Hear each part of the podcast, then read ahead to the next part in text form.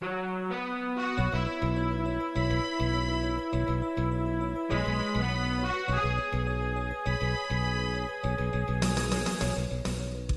listening to Radio Free Asia.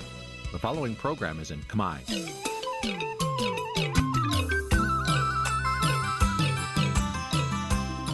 Nǐ chi càm bi tiệp xáy vệt chiu a zì sáy. នេះជាកម្មវិធីផ្សាយរបស់ Vithu Azisari ជាភាសាខ្មែរ វត្តឈូអាស៊ីសេរីសូមស្វាគមន៍លោកអ្នកនាងទាំងអស់ពីរដ្ឋធានី Washington នៃសហរដ្ឋអាមេរិក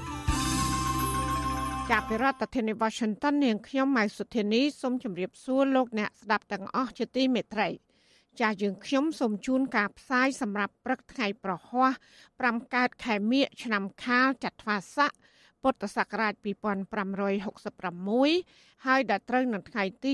26ខែមករា គ្រិស្តសករាជ2023 ជាកិច្ចចាប់ផ្ដើមនេះនាងខ្ញុំសូមអញ្ជើញលោកអ្នកនាងកញ្ញាស្ដាប់ព័ត៌មានប្រចាំថ្ងៃដែលមានមេត្តា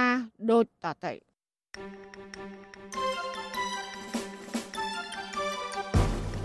បណ្ដាប្រទេសខ្សែទឹកខាងក្រោមទន្លេមេគង្គរងផលប៉ះពាល់ដោយសារចិនបើកទឹក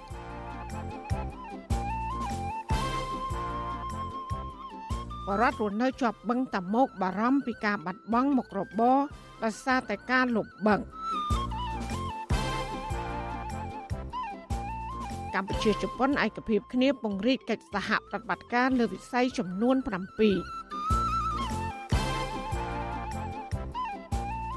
សហគមន៍នេសាទត្រពាំងសង្កែបង្កើតការងារតាមរយៈសេវាកម្មបែបអេកូទេសចររួមនឹងព័ត៌មានសំខាន់សំខាន់មួយចំនួនទៀត។ចាត់ជាបន្តទៅទៀតនេះនាងខ្ញុំម៉ៃសុធានីសូមជូនព័ត៌មានទាំងនោះពឺស្ដា ចាលោកនានីជាទីមេត្រីលោកនាយករដ្ឋមន្ត្រីហ៊ុនសែនជំរុញឲ្យប្រើប្រាស់ប្រព័ន្ធ Digital ដើម្បីប្រឆាំងអំពើពុករលួយ និងមន្ត្រីខ្មោចលោកហ៊ុនសែនលើកឡើងបែបនេះកាលពីថ្ងៃទី23ខែមករាលោកហ៊ុនសែនបញ្ជាក់ទៀតថាការគ្រប់គ្រងទិន្នន័យ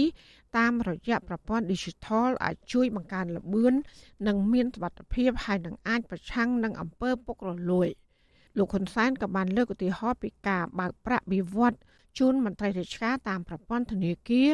ដែលអាចអរដ្ឋាភិបាលរកឃើញមន្ត្រីខ្មោចរាប់ម៉ឺននាក់តាក់ទងនឹងអំពើពុករលួយនៅកម្ពុជា អង្គការដំឡាភិបអន្តរជាតិកាលពីដើមឆ្នាំ2022បានចេញផ្សាយរបាយការណ៍ស្តីពីសន្ទុះ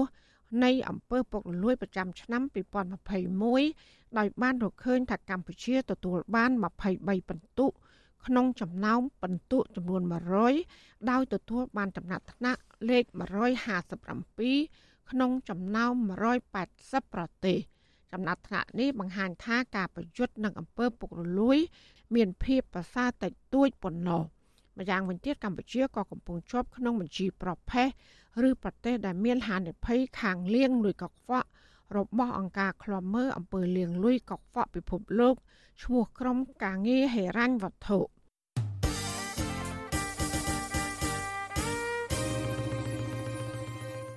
ចាលោកណានីជាទីមេត្រីខុសប្លែកពីបណ្ដាឆ្នាំមុនមុន រដូវប្រាំងឆ្នាំ2023នេះប្រទេសចិនដែលស្ថិតនៅខ្សែទឹកខាងលើនៃទន្លេមេគង្គបានចាប់ផ្ដើមបើកទ្វារទឹកទំនប់វារីអគ្គិសនីដ៏ធំរបស់ខ្លួន នៅមុនកាលកំណត់ប្រមាណជា5ខែដើម្បីផលិតអគ្គិសនីក្រុមអ្នកជំនាញតំបន់ទន្លេមេគង្គព្រួយបារម្ភថាហេតុការណ៍នេះបង្កឲ្យមានភាពមិនប្រក្រតីនៃរំហូរទឹកទន្លេដែលអាចប៉ះពាល់ធ្ងន់ធ្ងរដល់ប្រព័ន្ធអេកូឡូស៊ីនិងការប្រកបជីវភាពប្រចាំថ្ងៃរបស់ពលរដ្ឋ នៅតាមប្រទេសខ្សែទឹកខាងក្រោមចាប់ពីរដ្ឋធានី Washington លោកមានរិទ្ធមានសេចក្តីរាយការណ៍ពិស្ដាជំវិញព័ត៌មាននេះក្រុមអ្នកជំនាញនៃកម្មវិធីតាមដានវិរិយអគិសនីលើដងទន្លេមេគង្គនៃមជ្ឈមណ្ឌលស្រាវជ្រាវគោលនយោបាយ Stimson Center ដែលមានមូលដ្ឋាននៅរដ្ឋធានី Washington សហរដ្ឋអាមេរិករកឃើញថា ជាលើកទី1ហើយក្នុងរយៈពេល4ឆ្នាំជាប់គ្នាគឺក្នុងឆ្នាំ2022កន្លងទៅ ដែលទន្លេមេគង្គបានឆ្លងកាត់នៅរដូវវស្សានៅក្នុងសភាពដូចប្រក្រតីក៏ប៉ុន្តែសម្រាប់រដូវប្រាំងនៅក្នុងឆ្នាំ2023នេះវិញប្រទេសចិនដែលស្ថិតនៅខ្សែទឹកខាងលើទន្លេមេគង្គកំពុងបើកទ្វារទឹកនៅតាមវិរិយអគិសនីធំធំរបស់ខ្លួន ដើម្បីផលិតអគិសនី ចាប់តាំងពីខែតុលាឆ្នាំ2022មក តាមទម្លាប់ប្រទេសចិនតែងបើកទ្វារទឹកដើម្បីផលិតអគិសនីនៅរដូវប្រាំងនៅរៀងរាល់ខែមីនានាយកកម្មវិធីអាស៊ីអាគ្នេយ៍នៃមជ្ឈមណ្ឌល Stimson Center លោក Brian Eiler មានប្រសាសន៍នៅក្នុងកិច្ចពិភាក្សាមួយតាមប្រព័ន្ធអនឡាញស្ដីពីការតាមដានទឹកទន្លេមេគង្គនៅរដូវប្រាំងឆ្នាំ2023នេះថារដូវវស្សានៅក្នុងឆ្នាំ2022កន្លងទៅ មានរំហូរទឹកទន្លេមេគង្គចូលទៅផ្ទៃអាងទន្លេសាបតិចតួចបំផុតនៅក្នុងកំណត់ត្រា ក៏ប៉ុន្តែទន្លេសាបនៅតែអាចពង្រីកផ្ទៃបឹងបានដោយប្រក្រតីដោយសារភ្លៀងធ្លាក់ច្រើនលោកថាវិរិយអគិសនីធំជាងគេបង្អស់ចំនួន2របស់ចិន ដែលទទួលខុសត្រូវបរិមាណ50%នៃការបញ្ចេញទឹកស្តុកទុកទៅចាប់បំពេញនៅក្នុងអាងទន្លេមេគង្គបានចាប់ផ្ដើមបញ្ចេញទឹកសម្រាប់រដូវក្តៅឆ្នាំ2023នេះលឿនជាងឆ្នាំមុនមុនពលគឺចាប់តាំងពីខែតុលាឆ្នាំកន្លងទៅ ដើម្បីផ្គត់ផ្គង់តម្រូវការអគ្គិសនីក្នុងស្រុករបស់ខ្លួន ជាទូទៅនៅរៀងរាល់ឆ្នាំវិរិយអគ្គិសនីទាំងពីរនេះតែងបើកទ្វារទឹកនៅខែមីនាដើម្បីផលិតអគ្គិសនីនៅរដូវក្តៅ and this is something to pay attention to because នេះគឺជាអ្វីដែលយើងត្រូវយកចិត្តទុកដាក់ពីព្រោះវានឹងមានឥទ្ធិពលមកលើរដូវប្រាំងនៅក្នុងឆ្នាំនេះថាតើការបើកទឹកពីវិរិយអគ្គិសនីបែបនេះនឹងប៉ះពាល់យ៉ាងណាខ្លះដល់លំហូរទឹកទន្លេនៅក្នុងតំបន់ខ្សែទឹកខាងក្រោមត្រឡប់មកនិយាយពីរដូវវស្សាកាលពីឆ្នាំទៅវិញវិញ យើងបានកត់សម្គាល់ឃើញថាមានទម្រង់ប្រក្តីចេញមកពីខ្សែទឹកខាងលើទន្លេមេគង្គដែលវិរិយអគ្គិសនីបើកទឹកនៅរដូវប្រាំងហើយធ្វើឲ្យកម្រិតទឹកកើនឡើង ក្រោយមកក៏មានការបិទទឹកទៅវិញ នៅរដូវវស្សា ដែលនាំឲ្យកាត់បន្ថយកម្រិតទឹកទន្លេយើងជឿជាក់ថាការនេះធ្វើឲ្យប៉ះពាល់មែនទែនទៅដល់ដំណើរការនៃប្រព័ន្ធអេកូឡូស៊ីដល់ការនេសាទត្រីប៉ះពាល់ដល់តំបន់ដីលិចទឹក និងដល់សហគមន៍នៅតំបន់មេគង្គកម្មវិធីតាមដានវិរិយអគិសនីលើដងទន្លេមេគង្គរកឃើញថាការរាំងស្ងួតនៅតំបន់ខ្សែទឹកខាងលើ បានបណ្ដាលឲ្យកម្រិតនៃការស្តុកទឹកទុកនៅតាមវិរិយអគិសនីធំធំពីរនៅប្រទេសចិននៅក្នុងឆ្នាំ2022ទៀបជាងកាលពីឆ្នាំ2021កន្លងទៅ បរិមាណផ្ទុកទឹកច្រើនបំផុតនៅក្នុងវិរិយអគិសនីធំធំទាំងពីររបស់ចិននៅក្នុងឆ្នាំ2021មាន84%ខណៈឆ្នាំ2022បរិមាណនេះបានធ្លាក់ចុះមកនៅ74%លោក Brian Eiler ថាវិរិយអគិសនីធំធំចំនួន2របស់ចិនពុំបានផ្ទុកទឹកទុក ច្រើនដោយកាលពីឆ្នាំកន្លងទៅនោះទេទំនងជាដោយសារតែចិន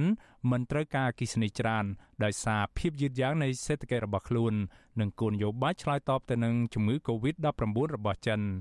ក្រៅពីបញ្ហាប្រឈមដោយសាររំហូរទឹកទន្លេមិនប្រក្រតីអ្នកសិក្សាស្រាវជ្រាវឲ្យគម្រោងអច្ឆរិយភាពនៃអាងទន្លេមេគង្គឬ Wonders of the Mekong របស់ទីភ្នាក់ងារជំនួយសហរដ្ឋអាមេរិក USAID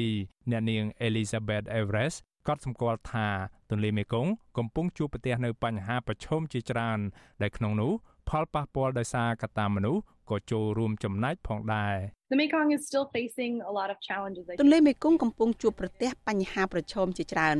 ខ្ញុំគិតថាយើងបានរំលេចបញ្ហាប្រឈមមួយចំនួនរួចហើយដែលសុទ្ធតែតាក់ទងនឹងរំហូរទឹកទន្លេនិងការប្រែប្រួលនៅក្នុងប្រព័ន្ធនេះក៏ប៉ុន្តែយើងនៅតែឃើញមានការបង្កកំណើតប្រភេទពូជសត្វផ្សេងៗនៅក្នុងទន្លេនេះ បើទោះជានៅសល់មិនច្រើនក៏ដោយក៏ផ្សោតទាំងនោះបានស្វែងរកជំរកនៅក្នុងតំបន់ទន្លេមេគង្គរឿងសំខាន់មួយដែលយើងគិតថាអាចនឹងប៉ះពាល់ទៅដល់ផ្សោតទន្លេមេគង្គនោះគឺឧបករណ៍នេសាទដែលគេបោះបង់ចោលអត្រាស្លាប់របស់ផ្សោតទន្លេមេគង្គទាំងនោះដែលយើងឃើញអាចមិនមែនបណ្ដាលមកពីការប្រែប្រួលនៃរំហូរទឹកទន្លេឬគុណភាពទឹកទន្លេទេប៉ុន្តែភាគច្រើនគឺដោយសារផលប៉ះពាល់បណ្ដាលមកពីកត្តាមនុស្សមកលើប្រព័ន្ធនេះ ទន្លេមេគង្គដែលចិនហៅថាទន្លេឡានឆាង គឺជាបេះដូងនៃតំបន់អាស៊ីអាគ្នេយ៍ដីគោកដែលមានប្រជាជនសរុបជាង70លាននាក់ពឹងផ្អែកលើទន្លេនេះនិងដៃទន្លេនេះសម្រាប់ស្បៀងអាហារ ទឹកការដឹកជញ្ជូននិងទស្សនវិជ្ជាដទៃទៀតនៃជីវភាពរស់នៅប្រចាំថ្ងៃទន្លេនេះគឺជាជំរកត្រីទឹកសាបរហូតដល់ទៅជាង850ប្រភេទបើតាមគណៈកម្មការទន្លេមេគង្គហៅកាត់ថា MRC ជលផលពីអាងទន្លេមេគង្គក្រោមផ្ដល់ប្រាក់ចំណូលប្រមាណជាង17,000លានដុល្លារអាមេរិករៀងរាល់ឆ្នាំដល់ប្រទេសចំនួន4គឺកម្ពុជា ឡាវថៃនិងវៀតណាម នៅកម្ពុជា ទន្លេមេគង្គក៏ជាប្រភពធនធានសំខាន់មួយ ដល់បឹងទន្លេសាប ដែលទ្រទ្រង់ជីវិតមនុស្សប្រមាណជាង1លាន7សែននាក់អ្នកសិក្សាស្រាវជ្រាវនៃមជ្ឈមណ្ឌល East West Center នៅសហរដ្ឋអាមេរិក អ្នកនាងមីងលីយ៉ុងមើលឃើញថាអ្នកប្រកបរបរនេសាទនៅកម្ពុជា ជាពិសេសនៅតាមតំបន់បឹងទន្លេសាប កំពុងប្រឈមនឹងបញ្ហាលំបាកកាន់តែខ្លាំងជាងពេលណាណាទាំងអស់អ្នកសិក្សាស្រាវជ្រាវរូបនេះថាកត្តាមួយដែលជំរុញឲ្យពួកគេប្រឈមទៅនឹងភាពលំបាកនេះគឺដោយសារតែការអភិវឌ្ឍទំនប់វារីអគ្គិសនី និងការប្រែប្រួលអាកាសធាតុ But at the same time there's really no doubt គ្មានអ្វីដែលជាមន្ទិលឡើយដែលការប្រកបជីវិតនៅលើបឹងទន្លេសាបកំពុងប្រឈមនឹងបញ្ហាកាន់តែលំបាកខ្លាំងទៅខ្លាំងទៅ ជាពិសេស សម្រាប់ពលរដ្ឋដែលប្រកបរបរនេសាទដើម្បីចិញ្ចឹមជីវិតនេះគឺដោយសារតែប្រវត្តិដ៏យូរលង់នៃបញ្ហានានាកើតឡើងក្រោយចំនួនប្រដាប់អាវុធដូចជាអភិបាលកិច្ចទុនខ្សោយការនេសាទជាលក្ខណៈពាណិជ្ជកម្មទ្រង់ទ្រាយធំហើយថ្មីថ្មីនេះទៀតគឺប្រកាសណាស់ការអភិវឌ្ឍទំនប់វារីអគ្គិសនីនិងការប្រែប្រួលអាកាសធាតុជាទូទៅប្រជានេសាទត្រូវតស៊ូចិញ្ចឹមជីវិតដើម្បីផ្គត់ផ្គង់ជីវភាពរស់នៅប្រចាំថ្ងៃរបស់ខ្លួន ជាពិសេស ដោយសារតែការធ្លាក់ចុះនៃទិន្នផលត្រីដែលចាប់បានរបាយការណ៍ប្រចាំឆ្នាំ ស្ដីពីអសន្តិសុខស្បៀងនិងអាហារូបត្ថម្ភនៅក្នុងតំបន់អាស៊ីប៉ាស៊ីហ្វិកទើបនឹងចេញផ្សាយដោយអង្គការស្បៀងអាហារពិភពលោកហៅកាត់ថា FAO របស់អង្គការសហជីវជាតិកាលពីថ្ងៃទី24ខែមករា រកឃើញថានៅកម្ពុជា ប្រជាជនប្រមាណពាក់កណ្ដាលកំពុងប្រឈមទៅនឹងកង្វះស្បៀងឬអសន្តិសុខស្បៀងនៅក្នុងកម្រិតមធ្យមឬធ្ងន់ធ្ងរការនេះប៉ះពាល់ខ្លាំងដល់ប្រជាជនក្រីក្រស្រាប់ស្របពេលដែលតម្លៃអង្ករនិងប្រេងសាំងកំពុងឡើងថ្លៃ ក្រុមមេដឹកនាំមកពីបណ្ដាប្រទេសនៅក្នុងតំបន់មេគង្គគ្រងអំពាវនាវឲ្យមានដំណោះស្រាយថ្មីៗប្រកបដោយការច្នៃប្រឌិតដើម្បីឆ្លើយតបទៅនឹងបញ្ហាប្រឈមនានា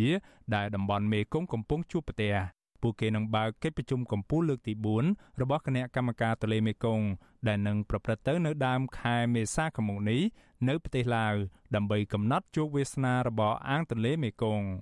ក្រុមអ្នកជំនាញមួយចំនួនធ្លាប់ប្រមានថាប៉ះសិនបើទន្លេមេគង្គមិនត្រូវបានគ្រប់គ្រងឲ្យបានល្អនោះទេនោះប្រទេសពាក់ព័ន្ធអាចនឹងប្រឈមទៅនឹងចំនួនដណ្ដើមទឹករ៉ាំរ៉ៃជាលក្ខណៈអន្តរប្រទេសនៅក្នុងតំបន់ទាំងមូលខ្ញុំបាទមេរិត Visual Asia ស្រីពីរដ្ឋធានី Washington thank you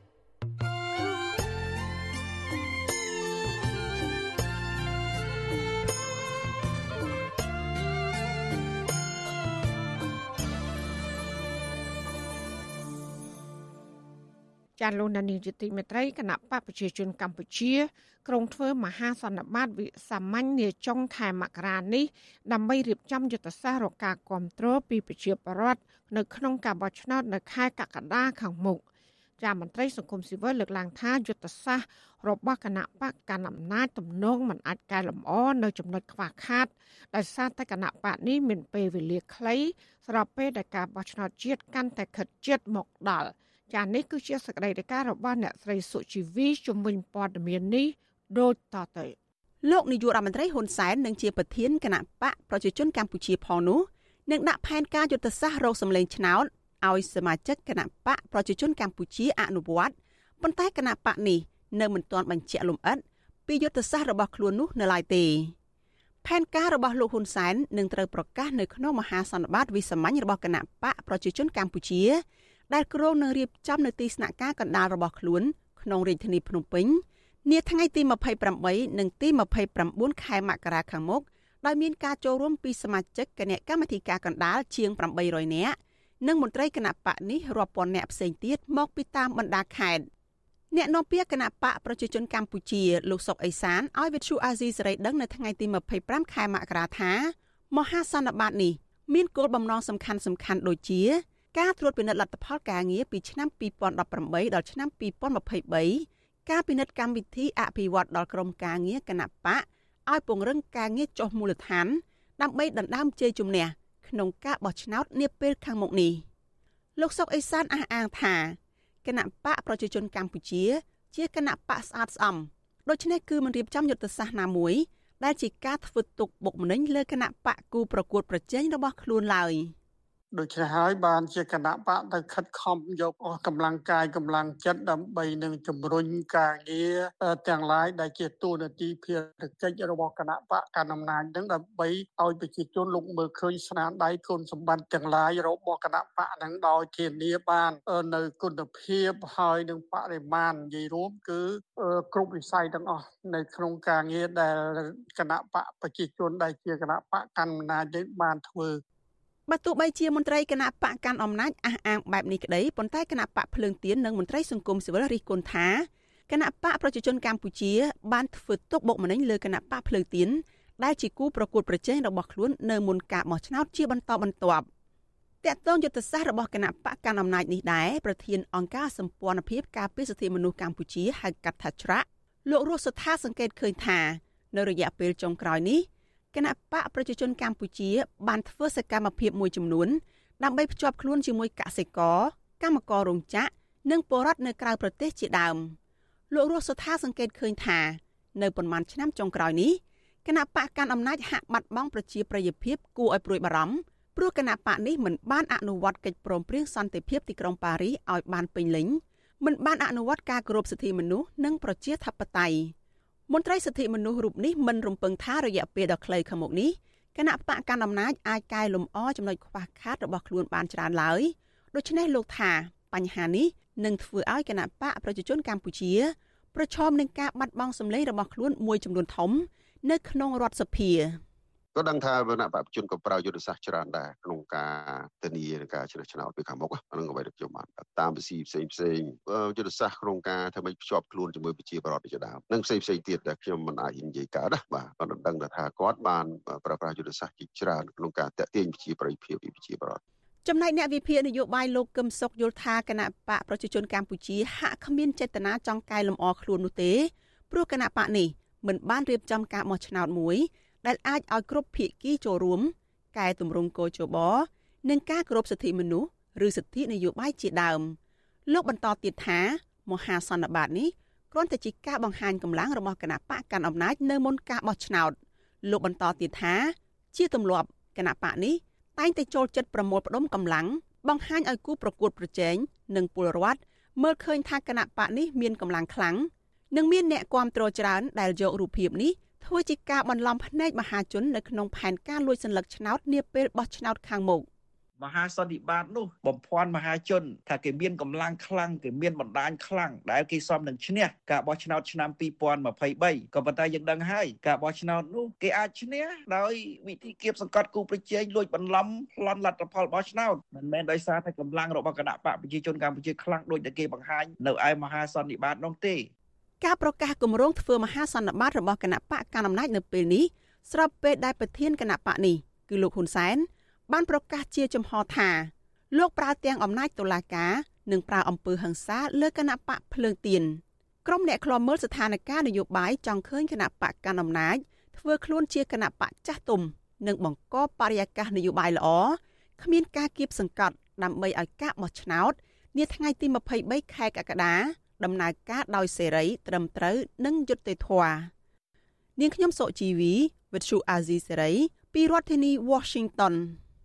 ចាលោកនានីជាទីមេត្រីពាក់ព័ន្ធនឹងប្រព័ន្ធអនុគ្រោះពន្ធមន្ត្រីជាន់ខ្ពស់នៃក្រសួងសេដ្ឋកិច្ចនិងហិរញ្ញវត្ថុលើកឡើងថាសេដ្ឋកិច្ចកម្ពុជាបច្ចុប្បន្នកំពុងលូតលាស់និងអាចរស់បានទោះបីគ្មានប្រព័ន្ធអនុគ្រោះពន្ធរបស់សហរដ្ឋអាមេរិកនិងសហភាពអឺរ៉ុបក៏ដោយ ក៏ប៉ុន្តែមន្ត្រីសង្គមស៊ីវិលមើលឃើញថា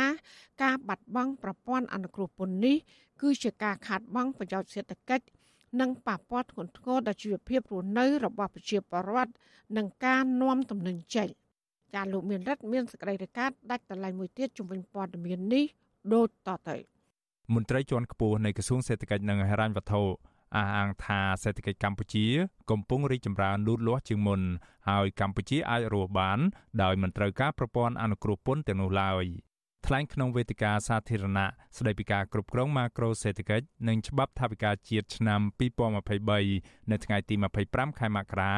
រដ្ឋលេខាធិការក្រសួងសេដ្ឋកិច្ចនិងហិរញ្ញវត្ថុលោកវង្សសីវិសុទ្ធលើកឡើងថាទោះបីកម្ពុជាគ្មានការអនុគ្រោះពន្ធនាំចេញ EBA និង GSP យ៉ាងណាក្តី ក៏កម្ពុជាមិនស្លាប់ដែរលោកអះអាងដោយដកស្រង់សម្ដីរបស់លោកហ៊ុនសែនថាកម្ពុជាមិនចាំបាច់ពឹងអ្នកណាទាំងអស់ហើយការអនុគ្រោះពន្ធក៏មិនត្រូវការដែរគឺត្រូវការតែស្មារតីនិងស្មារភាពប៉ុណ្ណោះហើយកម្ពុជាត្រូវប្រឹងខ្លួនឯងដើម្បីប្រកួតប្រជែងមិនចាំបាច់ពឹងភាពអនុគ្រោះពន្ធទៀតនោះទេអា EBA នេះក៏វាអត់មានអីមកជាមួយយើងលើ GSP ហ្នឹងក៏វាអត់អីដែរយើងអត់ទៅហើយហ្នឹងលើមើលមានស្លាប់ទៅណាមិនតែមិនស្លាប់ទេ resilient ទៅទៀតហ្នឹងហើយ ត្រូវយកចំហអញ្ចឹងហើយថ្ងៃក្រោយសម្ដេចតែជួយចង្អុលមិនបាច់ពឹងអាណាទាំងអស់រឿងអនុគ្រោះមិនត្រូវការទេត្រូវការតែស្មារតីស្មារភាពបានណាខុសពីមន្ត្រីរដ្ឋាភិបាលមួយចំនួនដែលមានប្រាក់ខែខ្ពស់និងកាន់កាប់មុខចំនួនក្នុងដៃកម្មកររោងចក្រដែលទទួលបានតម្លៃពលកម្មទាបរាប់សែននាក់ប្រឈមទៅនឹងការបាត់បង់ការងារធ្វើនៅពេលកម្ពុជាបាត់បង់ EBA ខណៈសហរដ្ឋអាមេរិកមិនទាន់បន្តប្រព័ន្ធអនុគ្រោះពន្ធ GSP សហភាពសហជីពនិងកម្មករតែងតែទទូចឲ្យរដ្ឋាភិបាលកម្ពុជាកែលម្អស្ថានភាពសិទ្ធិមនុស្សសេរីភាព និងលទ្ធិប្រជាធិបតេយ្យដោយតាមការស្នើសុំរបស់សហភាពអឺរ៉ុបនិងសហរដ្ឋអាមេរិកដើម្បីរក្សាផលប្រយោជន៍និងការងារជូនដល់កម្មករកម្មការិនីជុំវិញរឿងនេះប្រធានសហភាពការងារកម្ពុជា លោកអាត់ធុនយល់ឃើញថាកម្ពុជាអាចនឹងបាត់បង់ប្រព័ន្ធអនុគ្រោះពន្ធ EBA ទាំងស្រុង ពីសហភាពអឺរ៉ុបប្រសិនបើការគោរពសិទ្ធិមនុស្សសិទ្ធិការងារនិងសិទ្ធិនយោបាយនៅកម្ពុជា មិនទាន់មានភាពល្អប្រសើរលោកថាប្រព័ន្ធអនុគ្រោះពន្ធនៅតែសំខាន់សម្រាប់ការនាំចេញទៅក្រៅប្រទេសដែលជាផ្នែកមួយជំរុញសេដ្ឋកិច្ចកម្ពុជាឲ្យទាន់ប្រទេសជិតខាង និងផ្ដល់ការងារដល់ពលរដ្ឋក្នុងស្រុក លោកអាត់ធុនបន្តថាបើរដ្ឋាភិបាលនៅតែរក្សាជំហរថាមិនធ្វើតាមការចង់បានរបស់ប្រទេសទាំងនោះនោះអ្នកខាតបង់ធ្ងន់ធ្ងរគឺកម្ពុជាខ្លួនឯងខណៈអ្នករងគ្រោះពិតប្រាកដគឺប្រជាពលរដ្ឋដែលធ្វើការនៅក្នុងវិស័យរោងចក្រនិងឧស្សាហកម្មដែលជាវិស័យស្រូបទាញកម្លាំងពលកម្មច្រើន បាទតាមពិតវាអត់ស្លាប់ទេរដ្ឋនោះប៉ុន្តែបើសិនជារដ្ឋហ្នឹងគាត់ទៅបង្កើតការងារផ្សេងដែលមានប្រាក់ចំណូលឧទាហរណ៍ផ្សាយសេវាកម្មឬក៏កសិកម្មប៉ុន្តែដោយបច្ចុប្បន្នវិស័យទាំងនោះมันអាចស្រូបយកកម្លាំងពលកម្មបានហើយមានតែវិស័យកាត់ដេរអញ្ចឹងកម្មករមិនមានការងារធ្វើហើយគាត់មិនប្រាក់ចំណូលទៅពេលនោះគឺថាគាត់អត់មានលុយដើម្បីទៅផ្គត់ផ្គង់ជីវភាពនិងសងបំណុលធនាគារទេ បែបតាមរបាយការណ៍វាតម្លៃលើសេដ្ឋកិច្ចកម្ពុជាដោយក្រសួងសេដ្ឋកិច្ចនិងហិរញ្ញវត្ថុសេដ្ឋកិច្ចកម្ពុជានៅឆ្នាំ2022មានកំណើន5.2%តាមរយៈការងើបឡើងវិញលើវិស័យទេសចរការប្រើប្រាស់ក្នុងស្រុកភាពរឹងមាំនៃឧស្សាហកម្មកម្មអសាលនិងការនាំចេញផលិតផលសម្លៀកបំពាក់ជាដើម ចំណែកក្នុងឆ្នាំ2023នេះក្រសួងសេដ្ឋកិច្ចបានបន្ទាបការព្យាករសេដ្ឋកិច្ចកម្ពុជា ពី6.6%មកនៅត្រឹម5.6%វិញ ដោយមូលហេតុមួយចំនួន ដែលបណ្ដាលមកពីភាពយឺតយ៉ាវនៃការវិនិយោគលើវិស័យសំណង់និងអចលនទ្រព្យ ទោះជាយ៉ាងណារបាយការណ៍របស់ធនាគារពិភពលោកផ្សាយកាលពីចុងឆ្នាំ2022ព្យាករណ៍ថាកម្ពុជាមានកំណើនសេដ្ឋកិច្ចត្រឹម4.8%ក្នុងឆ្នាំ2022ខណៈក្នុងឆ្នាំ2023នេះធនាគារពិភពលោកព្យាករណ៍ថាកំណើនសេដ្ឋកិច្ចកម្ពុជា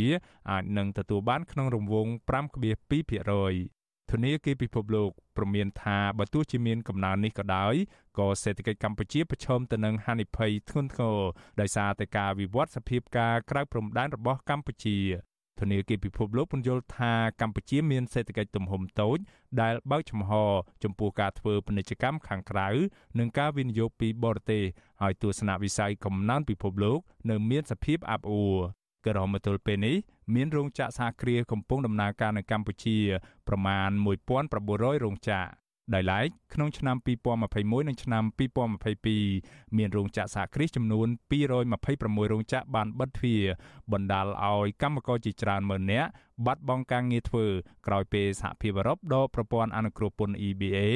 20%ពីកម្ពុជា កាលពីខែសីហាឆ្នាំ2020 ថ្មីថ្មីនេះរោងចក្រ Limline International បានបិទអាជីវកម្មរបស់ខ្លួនបណ្ដាលឲ្យកម្មករជិត1000នាក់បាត់បង់ការងារធ្វើក្រោមហេតុផលគ្មានអ្នកបញ្ជាទិញចំណែកឯរោងចក្រមួយចំនួនទៀតដូចជារោងចក្រ Nian Kit Cambodia កំពុងព្យួរការងារនិងកាត់បន្ថយម៉ោងធ្វើការរបស់កម្មករខណៈរោងចក្រមួយចំនួនទៀតកំពុងកេងប្រវ័ញ្ចនឹងរំលោភសិទ្ធិការងារ បើទោះបីជាមន្ត្រីរដ្ឋាភិបាលអះអាងថាសេដ្ឋកិច្ចកម្ពុជាមានកំណើនយ៉ាងណាក្តីក៏កម្មករនៅតាមរោងចក្រសហគ្រាសមួយចំនួន នៅតែរងផលប៉ះពាល់ពីការបាត់បង់ការងារធ្វើ និងការកាត់បន្ថយម៉ោងធ្វើការ ដែលធ្វើឲ្យពួកគេរស់នៅក្នុងជីវភាពលំបាក ក៏ប៉ុន្តែលោកនាយរដ្ឋមន្ត្រីហ៊ុនសែននៅតែរក្សាជំហរដដែលថាលោកមិនធ្វើតាមការបង្គាប់បញ្ជារបស់បរទេសនិងចាត់ទុកថាការស្នើសុំរបស់ប្រទេសលោកសេរី ជាការជ្រៀតជ្រែកផ្ទៃក្នុងរបស់កម្ពុជាកាលពីខែឧសភាឆ្នាំ2022កន្លងទៅសភាអឺរ៉ុបប្រមានថានឹងដកហូតប្រព័ន្ធអនុគ្រោះពន្ធ EBA ទាំងស្រុងពីកម្ពុជាបើរកឃើញថាការបោះឆ្នោតខាងមុខប្រព្រឹត្តទៅដោយមិនសេរីនិងមិនយុត្តិធម៌ ក្រោយសហភាពអឺរ៉ុបបានដកប្រព័ន្ធអនុគ្រោះពន្ធ EBA 20%ពីកម្ពុជារដ្ឋាភិបាលរបស់លោកនាយរដ្ឋមន្ត្រីហ៊ុនសែនបានបញ្ញាបញ្ញាលទៅចុះកិច្ចព្រមព្រៀងពាណិជ្ជកម្មសេរីជាមួយប្រទេសចិននិងកូរ៉េខាងត្បូងខណៈកំពុងសិក្សាពីលទ្ធភាពចុះកិច្ចព្រមព្រៀងពាណិជ្ជកម្មសេរីជាមួយបណ្ដាប្រទេសធំៗមួយចំនួនទៀតលោកហ៊ុនសែនក៏បានជំរុញឲ្យសហភាពអឺរ៉ុបបង្កើតកិច្ចព្រមព្រៀងពាណិជ្ជកម្មសេរីជាមួយតំបន់អាស៊ានទាំងមូលជារួមផងដែរខ្ញុំបានមេរិត Visual Asia ស្រី ពីរដ្ឋធានី Washington ចាលោកអ្នកស្ដាប់ជាទីមេត្រីប្រជាប្រដ្ឋរស់នៅអាស្រ័យផលជាប់បឹងតាមុកជាច្រើនគូសា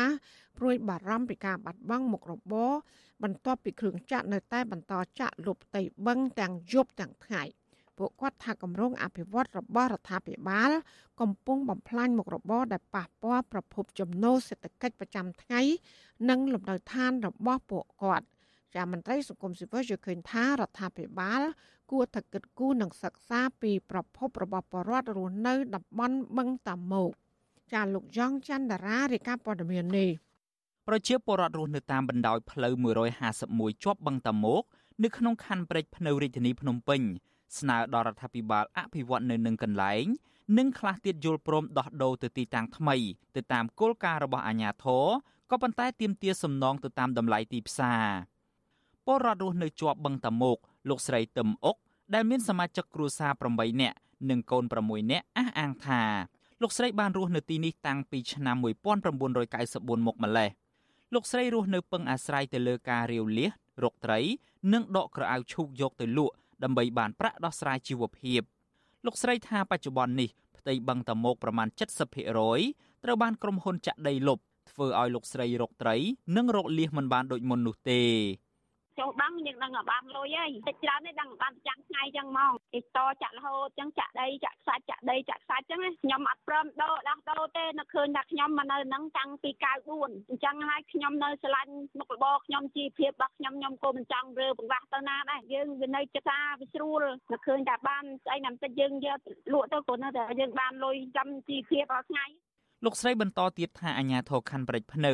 មិនព្រមធ្វើសិភៅគ្រួសារដល់លោកស្រីនោះទេ ហើយកូនកូនរបស់លោកស្រីមិនអាចធ្វើអត្តសញ្ញាណប័ណ្ណបានឡើយប្រជាពលរដ្ឋនៅតំបន់បឹងតាមុកបានទៅរស់នៅតំបន់នោះចាប់តាំងពីទសវត្សរ៍ឆ្នាំ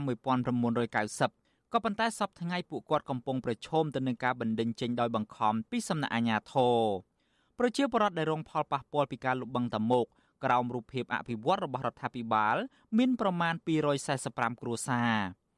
វិទ្យុអាស៊ីសេរីមិនអាចតាក់ទងแนะនាំពាក្យសាលារាជធានីភ្នំពេញ លោកមេតមាសភក្តីដើម្បីសុំការឆ្លើយតបជុំវិញរឿងនេះបានទេ នៅថ្ងៃទី25មករាក៏ប៉ុន្តែអភិបាលរងរាជធានីភ្នំពេញ លោកកើតឆែធ្លាប់ប្រាប់វិទ្យុ VOD ថាអញ្ញាធមមិនអាចឲ្យប្រជាពលរដ្ឋអភិវឌ្ឍនៅនឹងកន្លែងបានឡើយដោយសារតែប្រជាពលរដ្ឋទាំងនោះរស់នៅលើចំណីផ្លូវដោយខុសច្បាប់ហើយលោកថារដ្ឋាភិបាលគ្រងពង្រីកផ្លូវនេះឲ្យបាន50ម៉ែត្រលោកបញ្ជាក់ថាប្រជាពលរដ្ឋ ត្រូវតែដោះដូរទៅទីតាំងថ្មីស្ថិតនៅក្នុងសង្កាត់សំរោងដូចគ្នាជុំវិញរឿងនេះប្រធានកម្មវិធីផ្នែកស្រាវជ្រាវនិងតស៊ូមតិនៃសមាគមបណ្ដាញយុវជនកម្ពុជាលោកហេងកំហុងមានប្រសាសន៍ថារដ្ឋាភិបាលគួរតែពិគ្រោះយោបល់ជាមួយប្រជាពលរដ្ឋជាមុនដើម្បីបង្កភាពងាយស្រួលដល់ប្រជាពលរដ្ឋលោកថាការផ្ដល់សំណងមួយចំនួនកន្លងមកមិនអាចឆ្លើយតបទៅនឹងលក្ខខណ្ឌគ្រប់គ្រាន់ដោយការរស់នៅតំបន់ចាស់នោះទេ ដែលចំណុចនេះប្រែคล้ายជាបន្ទុកបន្ថែមទៅលើប្រជាពលរដ្ឋទៅវិញបើសិនជាចង់អភិវឌ្ឍប៉ុន្តែអត់បានផ្ដល់នៅការដោះស្រាយទាំងសំណងផ្លូវចិត្តឬក៏សំណងទៅលើវិស័យការងារឬក៏សំណងផ្សេងផ្សេងទៅដល់ពួកគេនោះនឹងបង្កឲ្យមានការព្រួយបារម្ភខ្លាំងទៅដល់កត្តាជីវភាពកត្តារស់នៅហើយជាពិសេសការបាត់បង់នៅលំនៅឋានឬក៏ការបាត់បង់អីផ្សេងជាដើម បឹងតមោកឬបឹងកប់ស្រូវមានផ្ទៃដីសរុបជាង3000ហិកតា គឺជាអាងស្តុកទឹកកខ្វក់ និងរំដោះទឹកចេញពីរាជធានីភ្នំពេញក៏ប៉ុន្តែរដ្ឋាភិបាលលោកហ៊ុនសែនបានកាត់ដីឬក៏ដោះដូរផ្ទៃបឹងតមោកសរុបជាង2000ហិកតាទៅឲ្យស្ថាប័នរដ្ឋក្រុមហ៊ុនឯកជន និងបុគ្គលឯកជនមួយចំនួន ដែលគេដឹងថាជាអ្នកមានលុយមានអំណាចក្រុមអុកញ៉ានិងអ្នកចិត្តស្និទ្ធនឹងលោកហ៊ុនសែនជាដើមប្រជាពលរដ្ឋនិងអង្គការសង្គមស៊ីវិលទទូចដល់រដ្ឋាភិបាលដោះស្រាយបញ្ហាដល់ប្រជាពលរដ្ឋនៅតំបន់បឹងតមោកដោយសន្តិវិធី និងផ្ដល់សំណងសមរម្យដើម្បីឲ្យពួកគាត់អាចរស់នៅ និងមានមុខរបរពិតប្រាកដសម្រាប់ដោះស្រាយជីវភាពគ្រួសារខ្ញុំយ៉ងច័ន្ទដារាវិទ្យុអាស៊ីសេរីរាយការណ៍ពីរដ្ឋធានី Washington ចាលោកនាងកញ្ញាកំពុងស្ដាប់ការផ្សាយរបស់វិទ្យុអាស៊ីសេរីផ្សាយចេញពីរដ្ឋធានី Washington សហគមន៍នេសាទនៅក្នុងខេត្តកំពតមួយកន្លែង កំពុងជួយលើកកម្ពស់ជីវភាពប្រជាពលរដ្ឋនៅក្នុងមូលដ្ឋាន និងការពារបរិស្ថានតាមរយៈការផ្តល់សេវាកម្មអេកូទេសចរតើសហគមន៍នេសាទត្រពាំងសង្កែបានធ្វើអ្វីខ្លះដើម្បីជាប្រយោជន៍ដល់សហគមន៍ចាសសេចក្តីឬការពឹស្ដាមពីរឿងនេះលោកដានៀងនឹងបានស្ដាប់នាពេលបន្តិចទៀតនេះចាលោកនាងកញ្ញាកំពុងស្ដាប់ការផ្សាយរបស់វិទ្យុអសីសេរីផ្សាយចេញពីរដ្ឋធានី Washington ជាដំណើរគ្នានឹងស្ដាប់ការផ្សាយរបស់វិទ្យុអសីសេរីតាមបណ្ដាញសង្គម Facebook និង YouTube លោកអ្នកនាងកញ្ញាក៏អាចស្ដាប់ការផ្សាយរបស់វិទ្យុអសីសេរី តាមរយៈរលក ធាតុអាកាសខ្លីឬ Short Wave តាមកម្រិតនិងកម្ពស់ដូចតទៅចាប់ពេលព្រឹកចាប់ពីម៉ោង5កន្លះដល់ម៉ោង6កន្លះតាមរយៈប៉ុស SW 9.39 MHz ស្មើនឹងកម្ពស់ 32m និងប៉ុស SW 11.85 MHz ស្មើនឹងកម្ពស់ 25m ចាសម្រាប់ពេលយប់វិញចាប់ពីម៉ោង7កន្លះដល់ម៉ោង8កន្លះតាមរយៈប៉ុស SW 9.39 MHz ស្មើនឹងកម្ពស់ 32m ប៉ុស SW 11.88 MHz ស្មើនឹងកម្ពស់ 25m និងប៉ុស SW 15.15 MHz ស្មើនឹងកម្ពស់ 20m ចាសសូមអរគុណចាលោកដានីលជាទីមេត្រីនៅឯខេត្តព្រះវិហារនៅវិញ អាជ្ញាធរខេត្តនេះបដិញ្ញាពង្រឹងកិច្ចសហប្រតិបត្តិការតាមព្រំដែនជាមួយអាជ្ញាធរឡាវក្រោយពីសង្កេតឃើញថាមានអំពើចោរកម្ម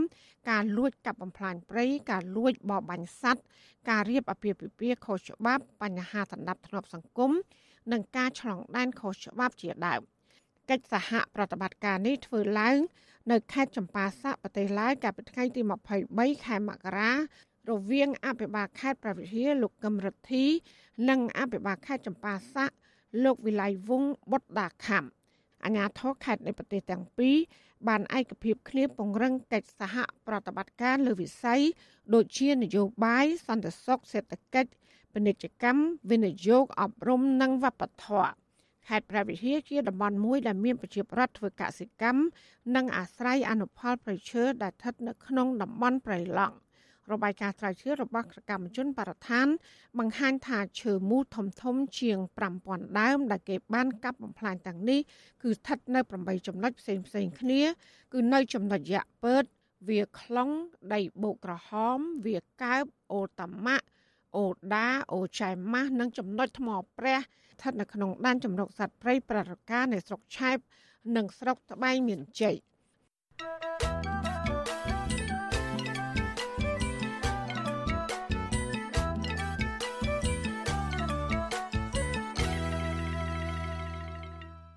ចាលោកអ្នកស្ដាប់ទទីមេត្រីតកតងនឹងដំណាក់ដំណងការទូតរវាងកម្ពុជានិងជប៉ុនវិញប្រមុខការទូតកម្ពុជានិងជប៉ុនបានឯកភាពគ្នាពង្រីកកិច្ចសហប្រតិបត្តិការលើវិស័យមួយចំនួន រួមមាននយោបាយសន្តិសុខការពារជាតិពាណិជ្ជកម្មវិនិយោគទេសចរការអភិវឌ្ឍហេដ្ឋារចនាសម្ព័ន្ធការបោសសម្អាតមីននិងការលើកស្ទួយប្រជាធិបតេយ្យជាដើម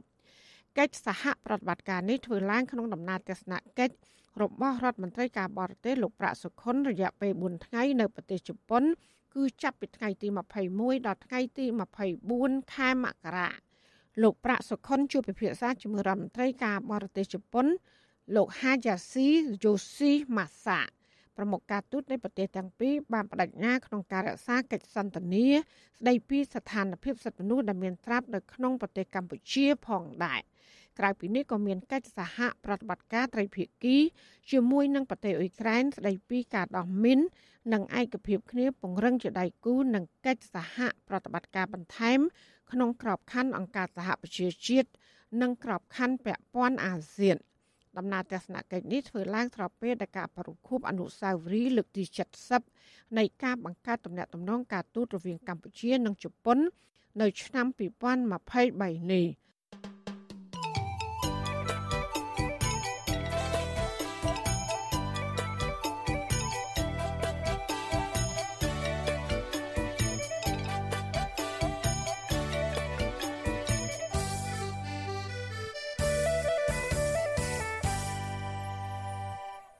លោកនាងកញ្ញាកំពុងស្ដាប់ការផ្សាយរបស់វិទ្យុអសីស្រីផ្សាយចេញពីរដ្ឋធានី Washington ចាវិជ្ជបណ្ឌិតឯកទេសឲ្យដឹងថាជំងឺរលាកថ្លើមប្រភេទ B ឬ B ឬភាសាអង់គ្លេសហៅថា Hepatitis B គឺជាជំងឺថ្លើមធ្ងន់ធ្ងរបណ្ដាលមកពីការឆ្លងមេរោគ HVB មេរោគប្រភេទ B នេះគឺស្ថិតនៅក្នុងរាងកាយរបស់អ្នកជំងឺអស់មួយជីវិតនិងអាចវិវត្តទៅជាជំងឺក្រិនថ្លើមរ៉ាំរ៉ៃនិងជំងឺមហារីកថ្លើម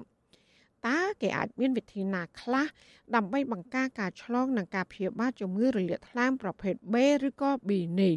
ចាលោកនាងនឹងបានស្ដាប់សេចក្តីរាយការណ៍ពិស្ដារអំពីរឿងនេះនៅក្នុងនេតិសុខភាពប្រចាំសប្ដាហ៍នៅពេលបន្តិចទៀតនេះចាសូមអរគុណ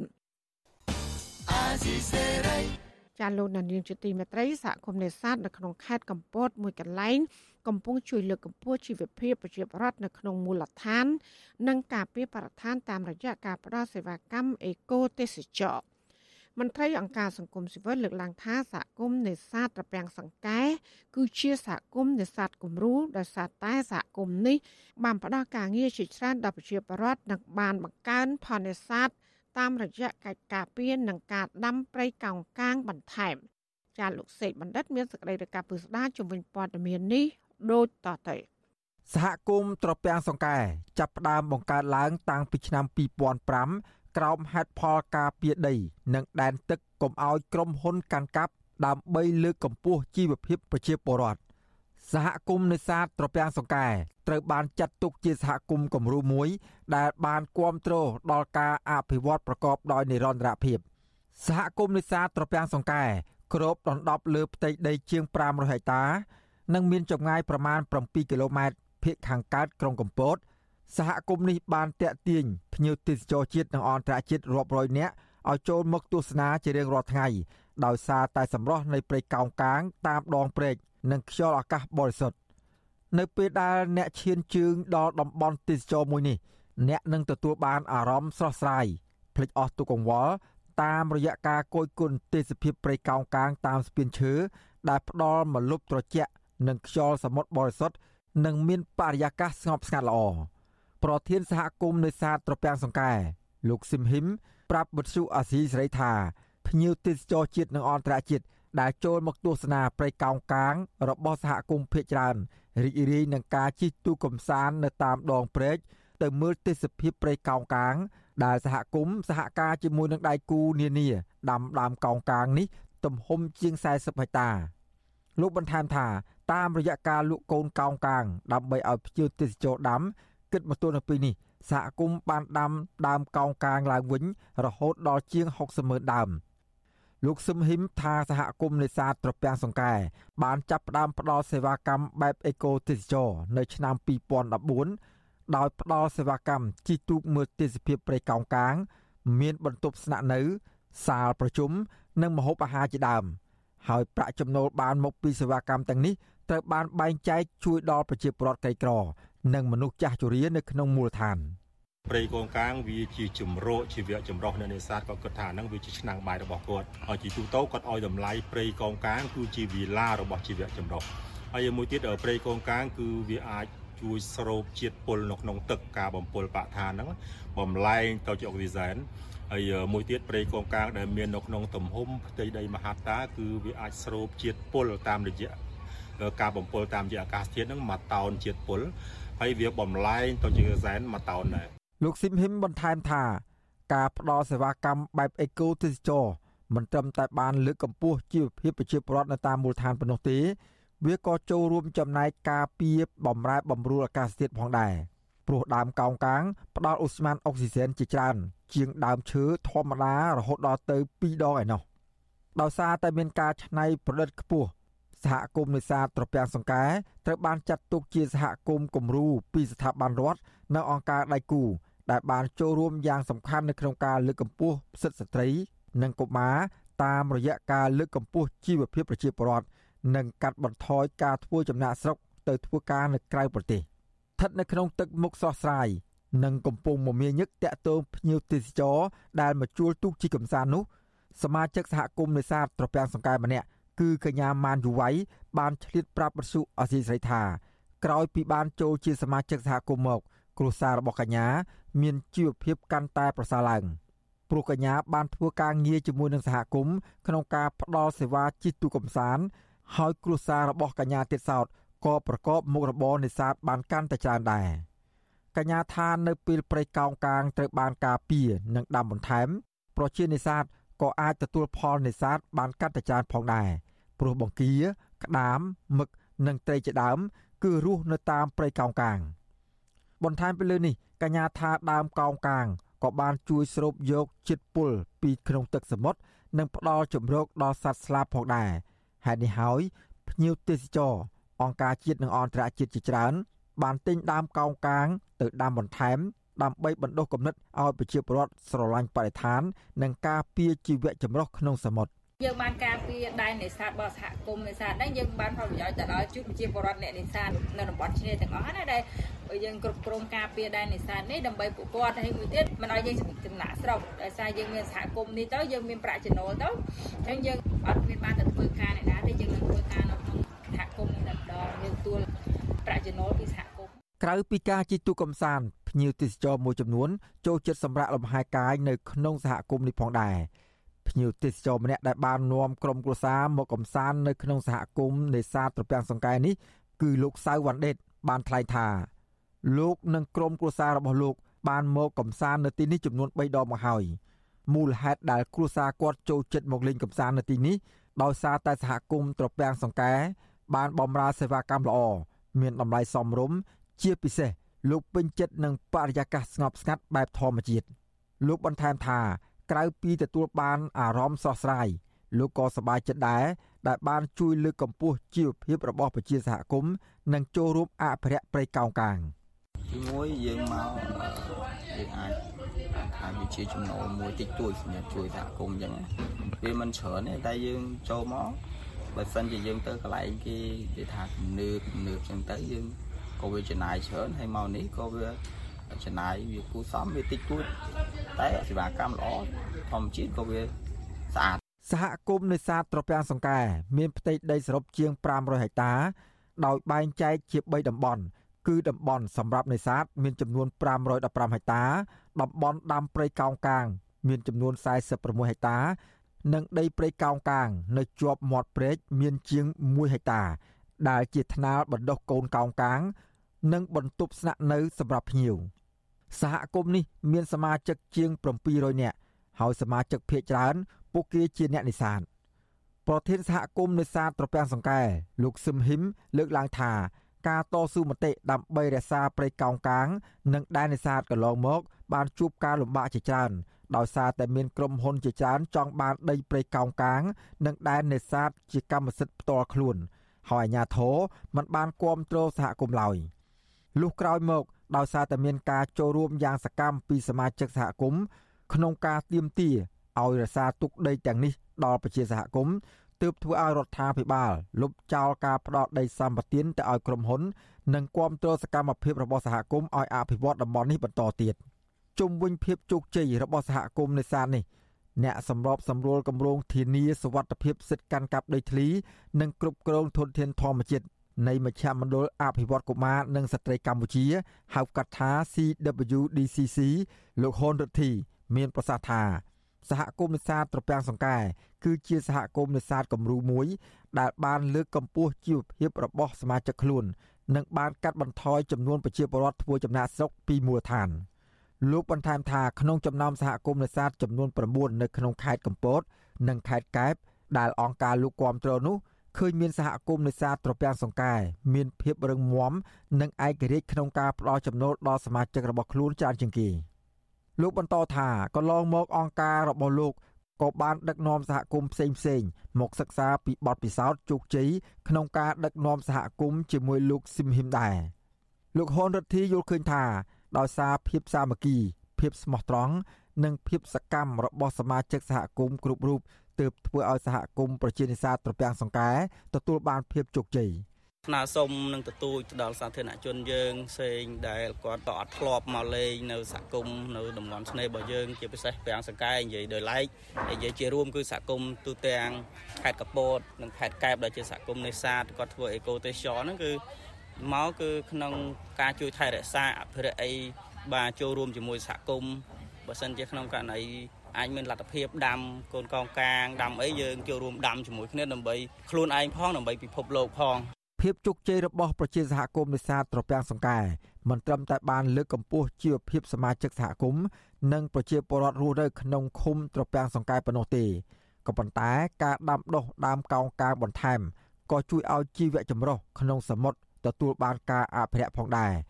មន្ត្រីអង្គការសង្គមស៊ីវិលជំរុញឲ្យភ្ញៀវទេសចរគាំទ្រសេវាកម្មរបស់សហគមន៍នេះព្រោះពួកគាត់មិនត្រឹមតែអាចទទួលបានសុខភាពល្អប៉ុណ្ណោះទេ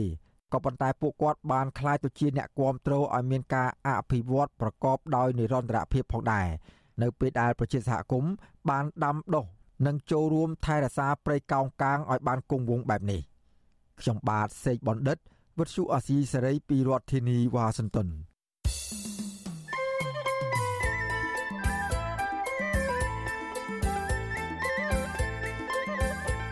នេតិសុខភាព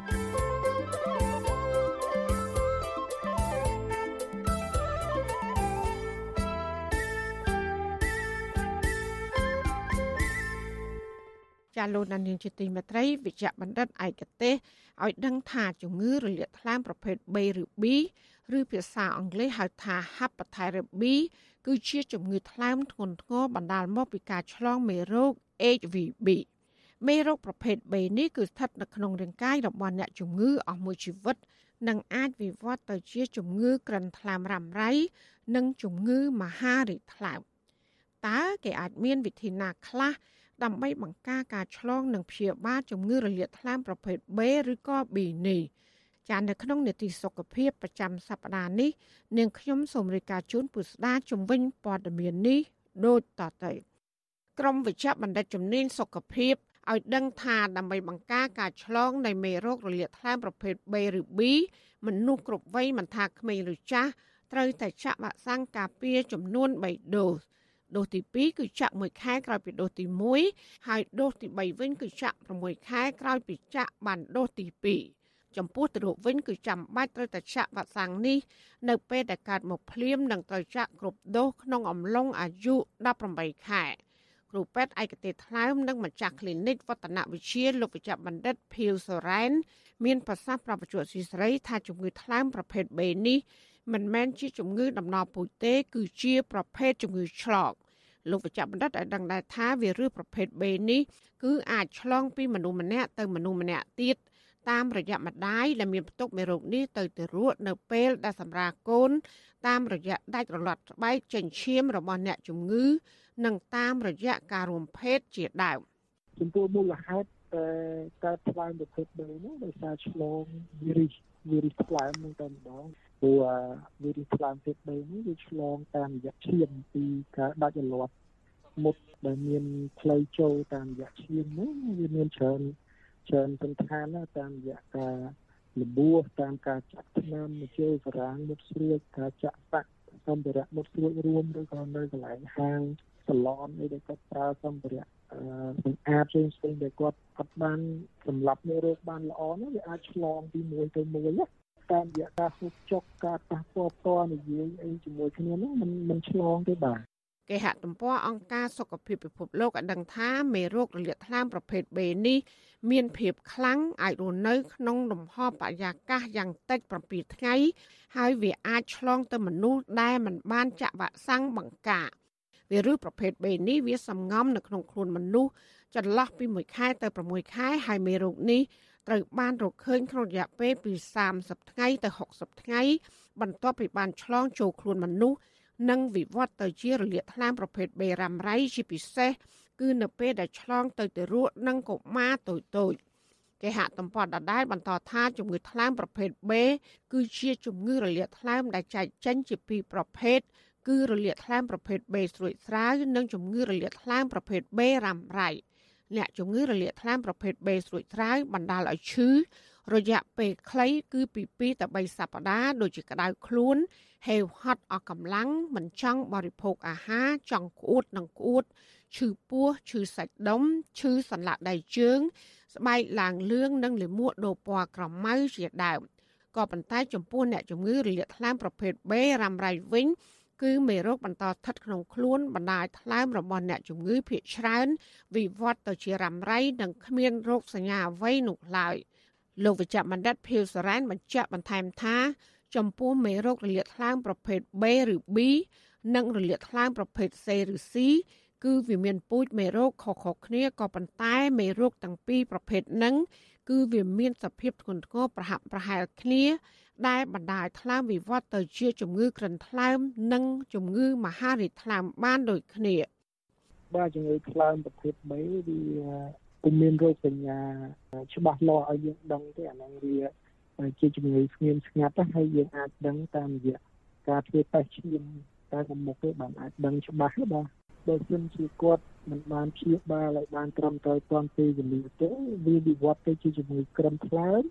ឬក៏មហារីកថ្លើមឬក៏ខ្សោយថ្លើមប៉ុន្តែវាមិនវិវត្តទៅថ្លើមប្រភេទផ្សេងទេពីព្រោះពូជនៃរោគគឺខុសគ្នាលោកវិជ្ជបណ្ឌិតភៀវសារ៉ែនក៏បានណែនាំដល់អ្នកមានផ្ទុកមេរោគថ្លើមប្រភេទ B រួចហើយត្រូវឧស្សាហ៍ទៅជួបពិគ្រោះយោបល់ជាមួយវិជ្ជបណ្ឌិតឯកទេសថ្លើមឲ្យបានត្រឹមត្រូវដើម្បីពិនិត្យពីការវិវត្តជំងឺ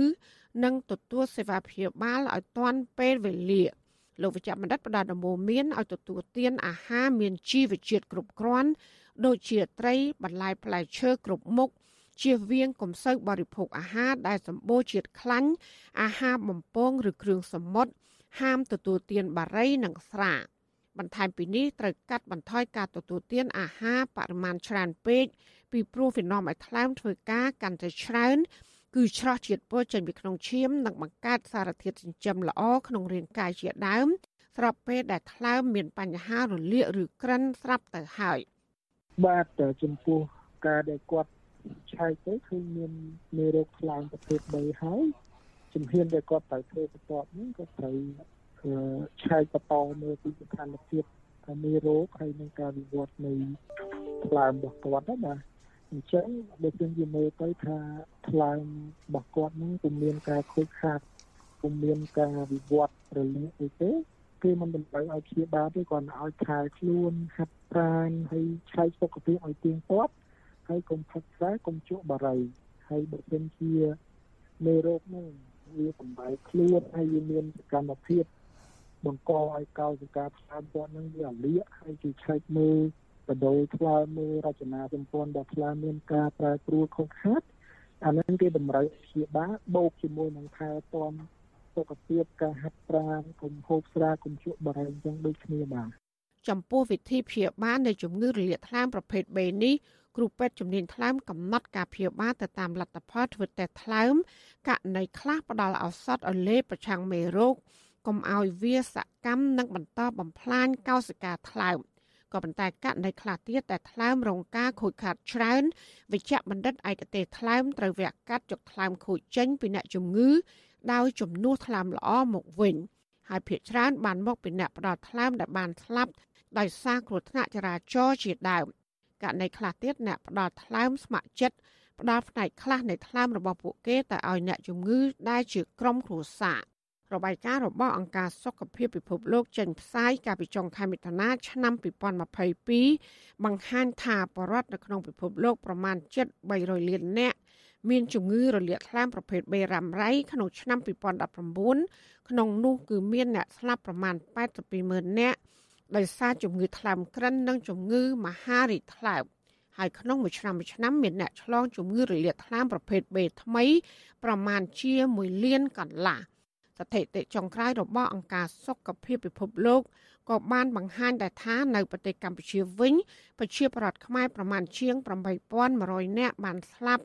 ដោយសារជំងឺថ្លើមកាលពីអំឡុងឆ្នាំ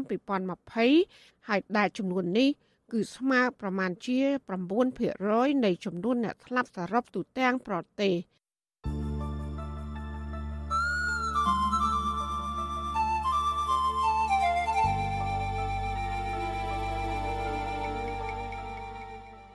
ចាត់ជាបន្តទៅទៀតនេះនាងខ្ញុំម៉ៅសុធានីសូមជូនព័ត៌មានបញ្ចប់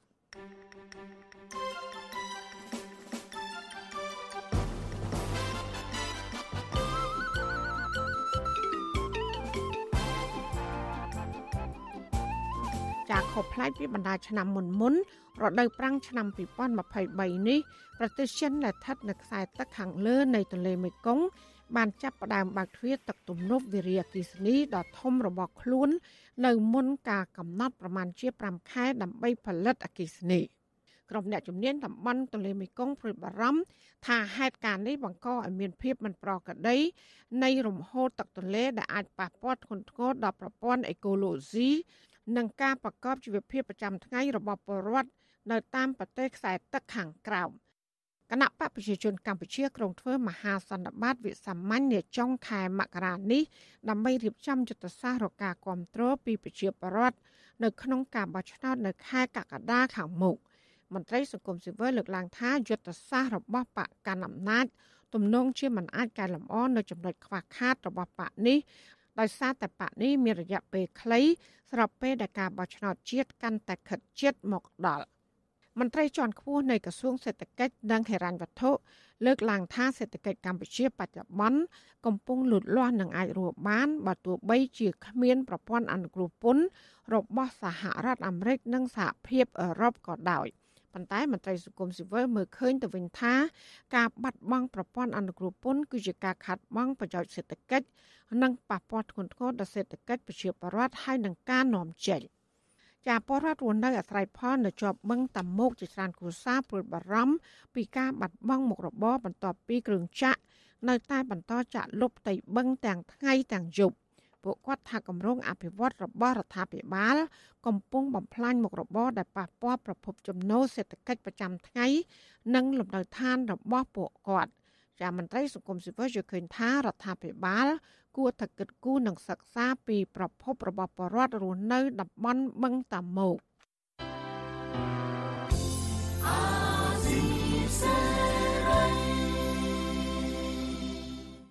ចាលោកលានាងកញ្ញាអ្នកស្ដាប់ជាទីមេត្រីការផ្សាយរយៈពេល1ម៉ោងរបស់វិទ្យុអាស៊ីស្រីជាភាសាខ្មែរនៅពេលនេះចាប់តែប៉ុណ្ណេះចាយើងខ្ញុំទាំងអស់គ្នាសូមជូនពរលោកលានាងនិងក្រុមគ្រួសារទាំងអស់ សូមជួបប្រកបតែនឹងសេចក្តីសុខសេចក្តីចម្រើន ជានិរន្តរ៍ចាននាងខ្ញុំម៉ៅសុធានីព្រមទាំងក្រុមការងារទាំងអស់របស់អសីស្រីសូមអរគុណនិងសូមជម្រាបលា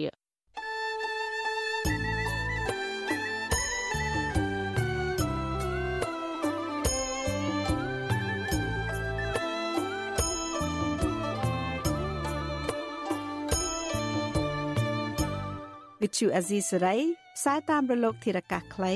ឬ shortwave តាមកម្រិតនិងកម្ពស់ដូចតទៅនេះពេលព្រឹកចាប់ពីម៉ោង5កន្លះដល់ម៉ោង6កន្លះតាមរយៈប៉ុស SW 9.39 MHz ស្មើនឹងកម្ពស់ 32m និងប៉ុស SW 11.85 MHz ស្មើនឹងកម្ពស់ 25m ពេលយប់ចាប់ពីម៉ោង7កន្លះដល់ម៉ោង8កន្លះតាមរយៈប៉ុស SW 9.39 MHz ស្មើនឹងកម្ពស់ 32m ប៉ុស SW 11.88 MHz ស្មើនឹងកម្ពស់ 25m និងប៉ុស SW 15.15 MHz ស្មើនឹងកម្ពស់ 20m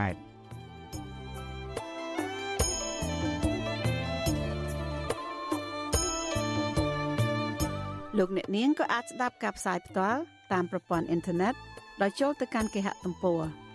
www.rfa.org/ ខ្មែរក្រៅពីនេះលោកអ្នកនាងក៏អាចអាននិងទស្សនាព័ត៌មានវិទ្យុអេស៊ីសរ៉ៃលើទូរស័ព្ទដៃរបស់លោកអ្នកផ្ទាល់សូមលោកអ្នកនាង ចូលទៅកាន់កម្មវិធី Facebook រួចស្វែងរកពាក្យ RFA ខ្មែរ